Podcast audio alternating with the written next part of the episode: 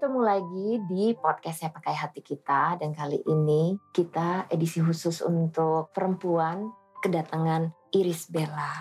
Hai. Apa kabar? Baik. Nih gimana nih dengan punya anak baru kan? Yes. Mm-mm. Sebagai ibu yang baru gimana? Masih baby blues kah atau? Baby blues enggak awal-awal doang Mhm. sih, tapi sekarang udah menikmati banget, menikmati banget jadi peran baru ya seorang Mhm. ibu gitu. Terus kayaknya setiap hari tuh selalu ada hal yang baru gitu. Mhm. Mm-mm. Dan kayak berubah ya sekarang peran udah menjadi ibu tuh kayak banyak changes dalam diri aku yang belum pernah aku rasakan sebelumnya gitu.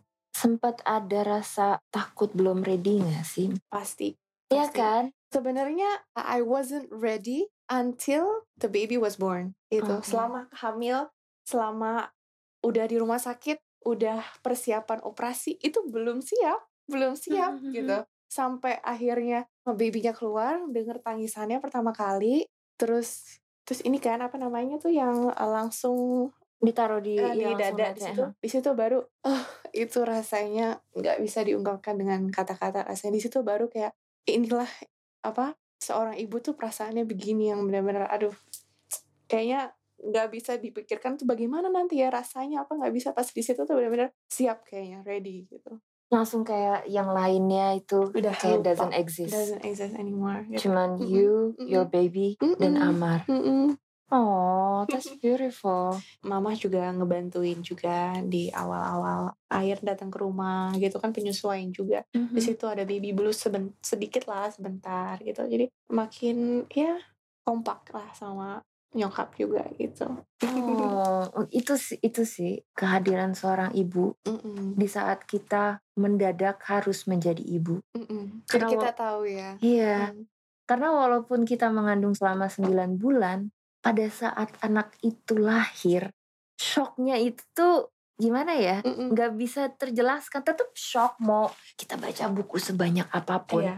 waktu itu juga kan aku dikasih hadiah yang luar biasa itu hamil kembar Mm, iya. kan yang pertama itu aku sama sekali nggak ada keturunan kembar nggak ada Amar? dari dari abang juga nggak ada nah jadi itu Oh, tuh wow. benar-benar kita dikasih hadiah luar biasa kebahagiaan yang luar biasa Mhm. banget dan pas dicek di dokter ada dua janin dalam perut aku ada dua jantung yang berdetak gitu di Mhm. perutku. Dan itu tuh amazed banget. Pasti, pasti. dan kita nggak tahu itu keturunan kembar dari mana gitu. Makanya itu kebahagiaan yang luar biasa. Dan mungkin ya sepertinya kita tak kabur gitu. Mhm. tak kabur dengan langsung dikasih anak dua gitu kan. Ya, orang mungkin orang lain kan susah ya hamil apa. Tapi kita mungkin oh subur aku subur aku ini. Mungkin adalah sisi takabur di situ dan situlah mungkin Allah kayak menegur kita gitu.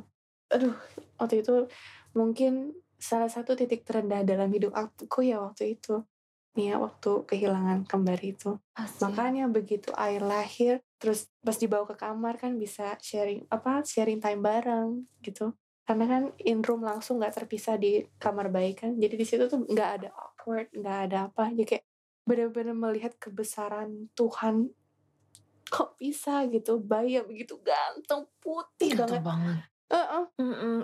keluar dari perutku lagi. gitu Heeh. kayak gitu yang surrealnya di situ Wow, Mm-mm, amazing. Berarti nikah cepet kan? Nggak pakai pacaran terus langsung mm-mm, punya anak. iya Nah, memutuskan bahwa punya anak itu kan berarti meninggalkan karir untuk sesaat. mm-mm, Sesaat yang cukup panjang ya. Iya. Karena kan peran sebagai ibu apalagi kan ibu sendiri pengennya nyusuin sendiri, Mm. ngurus sendiri segala Mm. macam. Berat gak sih untuk memutuskan meninggalkan profesi Iya. untuk sementara? Nggak sih, aku nggak mikirin ke situ. Karena memang mungkin cita-cita nikah muda juga dan cita-cita pengen punya anak di usia muda juga gitu. Aku sih bercermin sama mama ya, karena mama juga melahirkan aku saat she was pretty young as well gitu. So I saw di mana kita kayak bisa jadi best friends gitu saat aku remaja, my mom masih tergolong muda, jadi kayak kita kayak best friends lah dan aku ingin sekali seperti itu gitu sama anak-anakku kalau nanti punya anak nanti. Jadi memang udah cita-cita memang punya anak di usia muda gitu. Oh. Nah, selain nyokap yang jadi panutan Mm-mm, perempuan mm-mm. di mata Ibel tuh siapa? Em, nggak ada sih, nggak ada nggak ada yang lain selain Nyokap. nyokap. Mm-mm. Karena memang aku besar dari broken home, pisah dari papa itu saat aku SD gitu kan. Terus itu di situ mama benar-benar berjuang sendirian itu menghidupkan kita anaknya dua dan dia banting tulang benar-benar untuk menghidupkan kita terus kita pindah ke sini. Aku kan pindah-pindah juga dari Cirebon terus akhirnya pindah ke Bali sempat tinggal di Bali. Akhirnya kita kesusahan terus kita mendekati saudara-saudara di Bandung. Terus akhirnya memutuskan pindah ke Jakarta itu kita pindah-pindah. Dan di situ benar-benar sosok mama tuh yang menurut aku she's very ya kayak pahlawan lah gitu. Karena dia perempuan yang sangat independen she struggle by herself dan dia punya prinsip bahwa dia nggak mau minta bantuan orang lain gitu kalau nggak terdesak banget gitu. Dan mungkin aku juga belajar menjadi independen juga mungkin dari mama juga gitu. Jadi aku sangat bercermin sama mama dan Hmm. itu itulah dia kita kayak benar-benar best friends juga. Jadi apa pun yang permasalahan apa pun from A to Z aku selalu cerita sama mama bahkan sampai menikah pun itu semua ya aku awalnya tidak suka sama abang ya sama Amar gitu. Benci banget tapi karena mama yeah, but, but my mom saw mungkin Amar ini ada sisinya yang kamu belum melihat dia tuh baik dia bisa memuliakan perempuan baru di situlah melihat sisi lain dari abang gitu Hmm. Dan waktu keguguran yang pertama itu, Mm-mm. ayah sempat ada dan memberi dukungannya nggak secara moral? enggak waktu itu dia udah balik ke Belgia Ah, oke. Mm-mm, mm-mm. Did you miss him at that moment? Iya sih, I needed a sosok father figure pastinya di saat itu. Karena ya pas miske keguguran itu tuh itu benar-benar perang antara dua keluarga. Keluarga aku dan keluarga abang itu karena kita baru menikah ya belum saling mengenal. Jadi ya gitu semuanya salah-salahan. Jadi perang dingin. Mama nyalahin abang dan pastinya keluarga dia juga keluarga abang juga pastinya kayak kurang serk mungkin ada kesalahan dalam aku, eh, diri aku yang mungkin aku yang teledor dalam mengurus kehamilan maka akhirnya seperti itu gitu jadi benar-benar perang dingin banget gitu dan itu hampir hampir pisah Hmm. hampir pisah hampir cerai waktu itu se seintens itu Tapi gue gue shock Mm-mm, karena mikirin perempuan itu yang mengandung mm-mm, dan seakan-akan kayak perempuan itu bertanggung jawab atas kandungannya mm-mm. gitu. Yang kalau misalnya keguguran, perempuan rentan untuk disalahkan. iya Dibilang kita nggak ngejaga diri, mm-mm. kita makannya nggak benar. Padahal ya itu nggak sepenuhnya kuasa kita. iya Nyawa itu bukan kita yang menciptakan kan. iya tapi di saat itu nggak semua orang berpikir seperti itu keluarga kita pun ada yang berpikir ya negatif lah gitu Mhm. makanya benar-benar salah-salahan banget dan aku posisi situ kehilangan disalahkan pula terus my marriage was like falling apart gitu. Jadi aduh aduh itu luar biasa. How did you react on that accusation? I couldn't say anything nggak bisa ngomong apa-apa nggak bisa. Untung sudah disediakan tisu ya. Sudah. gitu. Ya nggak bisa ngomong apa-apa. Hmm. di situ cuma bisa nangis nangis nangis nangis terus setiap hari sampai kayak mencoba untuk yang meringankan beban yang aku rasain waktu itu gitu karena cuma itu yang bisa aku lakuin Iya. mau marah mau marah sama siapa Hmm. mau nyalahin dokter gimana gitu Iya. tapi aku salut sih salut sama abang yang dia benar-benar ngurusin banget Mhm. ngegendong kan Mhm. Ayona sama Ayora sampai ke liang kubur mereka Mhm. maksudnya aku di situ cuman nunggu di rumah sakit kan cuman hanya lihat lewat berita doang luar biasa gitu kayak aku beruntung juga punya suami yang tough gitu ya. Karena dia juga melalui banyak kali ya. Mhm. gitu. Dia juga pernah kehilangan berkali-kali juga. Dan mungkin kalau misalnya pasangan aku bukan dia mungkin aku juga udah gila kali. Karena dia source kekuatanku juga. Mhm. gitu. Dua orang source kekuatan aku tuh suamiku dan ibu kan. Mhm. dan pada saat itu mereka berdua lagi bertengkar gitu. Jadi di situ posisi yang sulit banget buat aku Heartbreaking banget sih pasti. Orang yang paling kita cintai berantem dan di situ kita kayak merasa ada kewajiban untuk ngebelain yang mana. iya iya jadi posisi yang mana yang aku harus ambil aku nggak mau durhaka sama ibu tapi aku nggak mau durhaka sama suami juga gitu. Iya, itu bukan opsi sebenarnya. Iya. Uh-uh. Kita tidak seharusnya memilih sama seperti seorang anak tidak seharusnya memilih bapak atau ibunya. Iya. Itu aku setuju banget. Itu Uh-uh. pasti berat sih. Berat banget waktu itu. Oh, wow. Aku speechless jujur. Perjuangannya sangat-sangat berat. Aku yang udah pernah ngalamin Mm-mm. hamil dan melahirkan. Mm-mm. Kesedihannya itu menempel untuk waktu yang cukup lama pasti Iya. karena kita kan memproduksi ASI. Iya. Kita juga ngaca melihat ke diri sendiri bahwa kita masih masih ngebawa Iya. Di situ aku juga, aduh, stres Iya kan? banget.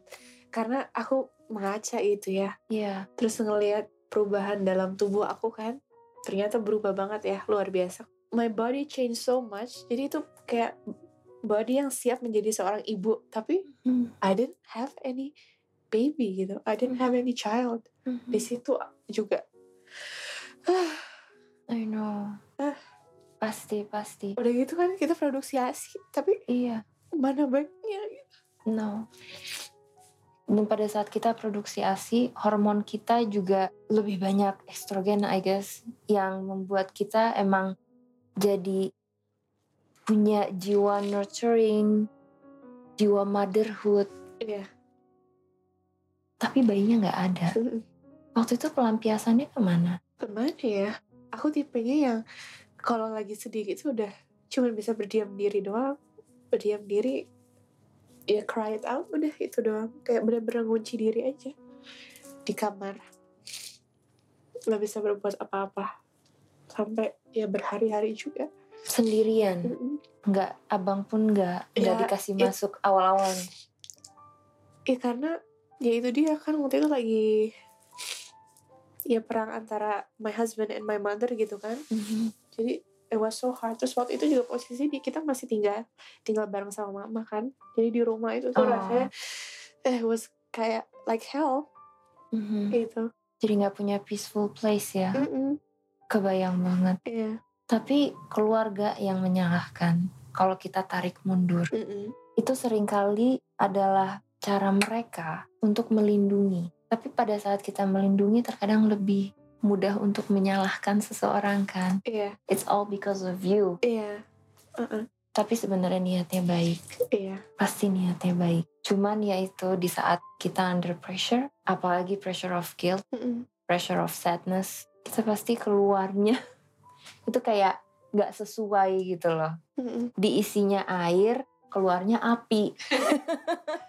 iya Tapi itu bentuk dari cinta dari keluarga. Mm-mm. Mereka kepengen ngedukung, mereka kepengen ngebantu, but they don't know how. Mm-mm. Karena maybe at that time you didn't even know how iya Mm-mm. how to digest everything, how to even accept and handle the sadness. Mm-mm. Ibel cerita tadi sempat hampir pisah. Mm-mm. Aku yakin di situ Amar merasa bahwa I cannot lose another woman in my life. Iya, jadi saat abang tahu aku hamil kembar, perempuan pula gitu. Jadi dia berpikir, oh ini mungkin cara Allah menggantikan posisi ibu dan adikku yang kehilangan dulu. Allah gantikan dengan dua bayi lucu perempuan. Tapi nggak disangka mereka juga pulang gitu. Jadi yang nggak kebayang dia juga pasti rasanya mungkin lebih ya sama lebih sakit mungkin I, I don't know it. Setiap orang punya kemampuannya masing-masing dalam menghadapi sebuah cobaan sih. Mm-mm. Ya ada yang kejeduk terus biru nggak ngerasain sakit. Ada yang kejeduk guling-guling nangis-nangis gitu. Setiap orang beda. Jadi Mm. cobaan ini berat tapi belum tentu bisa dijalanin sama orang lain. Karena kalian berdua cukup kuat untuk ngejalanin Mm. itu. Mm. Nama mereka itu emang udah di dipilih sebelum Iya, Tindakan. sebelum iya. Mm-mm. Ayona dan Ayora. hmm, dan lahir sekarang air. Iya. Yang lucunya minta ampun gak berhenti ketawa. Heeh, murah senyum banget ya. Banget, banget. Mm-mm. Kalau ditanya nih, apa sih yang orang nggak tahu tentang Ibel atau salah terka tentang Ibel tuh apa? Ya, mungkin orang melihat aku bisa melewati ujian kemarin itu mungkin mereka pikir wow gitu she's tough gitu ya. Mungkin perempuan yang kuat luar biasa gitu. Tapi aku pun merasa down banget. Down yang bener-bener down yang nggak bisa bingung mau ngapain terus bener-bener linglung kayak stres gitu. Aku kalau misalnya melewati ini sendiri abang nggak ada di situ aku nggak mungkin bisa ngelewatin ini Mhm. nggak mungkin bisa. Mungkin kan orang-orang kan selalu lihat ya wow you're really tough ya. Iris Iris Bella ini luar biasa loh. Dia hamil muda langsung hijrah terus keguguran tapi dia langsung bisa bangkit dengan begitu cepat? No.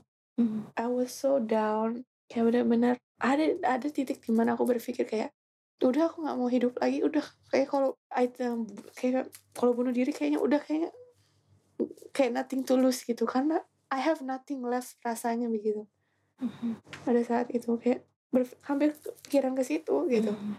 itulah titik terendah gitu tapi aku pun bangkit bukan karena aku sendiri karena ada yaitu suamiku yang luar biasa dia yang salah satu support system yang bisa membuat aku akhirnya bisa bangkit bisa menerima gitu menerima ikhlas dan maksudnya jadi kayak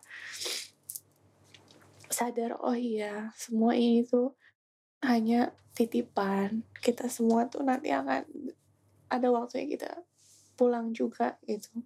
Sadar hey gitu. Kemarin tuh rasanya kayak gitu. Mhm. Sempat nggak kepikiran untuk ke tenaga ahli pada saat titik terendah itu? iya sempet akhirnya kita itu diajak ke guru kami. Kami ditemuin sama Pak Ari Ginanjar. Dia kayak salah satu pembuka pintu kita untuk kita hijrah gitu untuk mendapatkan hidayah untuk menerima oh ini terjadi karena ini kita jadi acceptance dan salah satu salah satu alasan kenapa akhirnya my mom sama my husband bisa rukun lagi baikan lagi gitu itu karena Mbak Ari juga gitu yang bantu kayak konsult langsung gitu Nyokap juga ngobrol ke Mm-mm. Pak Adi itu juga oke. itu jadi kita sangat berterima kasih juga sama Pak Ari yang ngebantu maksudnya untuk kita bisa bangkit lagi di situ Hmm. kita benar bisa accept Iya. Mm, Apakah pada saat titik terendah itu Ibel belak-belakan ngomong sama abang kalau aku lebih baik udahan aja, udah dalam arti udah, udahin my life. enggak dia nggak tahu Sampai sekarang nggak tahu. Ah, enggak sih aku belum cerita Hmm, He should be proud of you. Karena losing someone is one thing, but losing yourself mm, is a whole other thing. Dan the fact bahwa lo berhasil melewati itu, you are something to be proud of. And I know that everyone in your family, including dua bayi perempuan itu, they will be proud of their mother.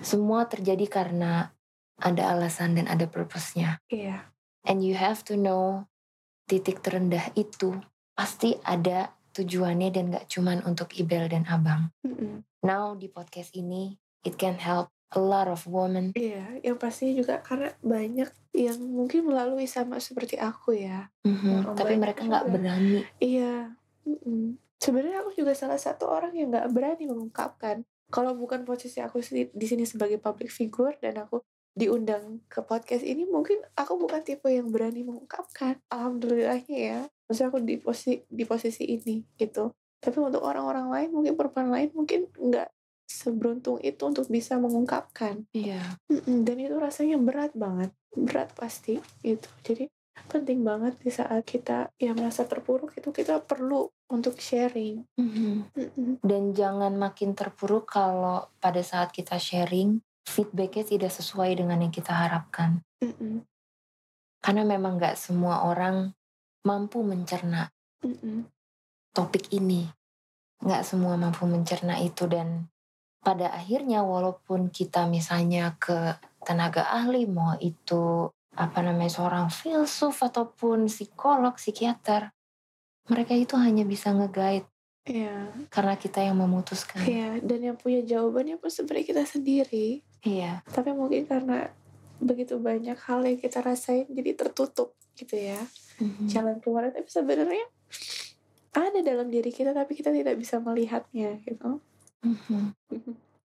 Kalau misalnya ada kata-kata yang pengen Ibel sampein ke perempuan-perempuan di luar sana sebagai sister, sebagai seorang ibu, sebagai seorang anak, sebagai seorang istri dan seorang kakak ataupun adik. Iya, Based on what you've been through, iya. Apa yang pengen Iba sampaikan? Ya yang pasti you are worth worth it gitu. You are worthy gitu. Apa pun perannya, either kamu adalah seorang kakak atau ibu atau istri atau bahkan seorang anak, kalian bisa menjadi pahlawan dalam berbagai macam peran gitu. Dan you are worth it, worthy. Karena menjadi pahlawan itu bukan berarti kita harus do something amazing, something encouraging, tapi cukup kita membahagiakan orang dan merasa beruntung. Itu aja sudah kalian adalah pahlawan. Hmm. you are my new hero, you know. Can I hug you? Of course. Oh, Thank you. I'm so proud of you. Thank You you. are so beautiful. Hmm. Sampai ketemu lagi di podcast berikutnya ya. Iris Bella, bye.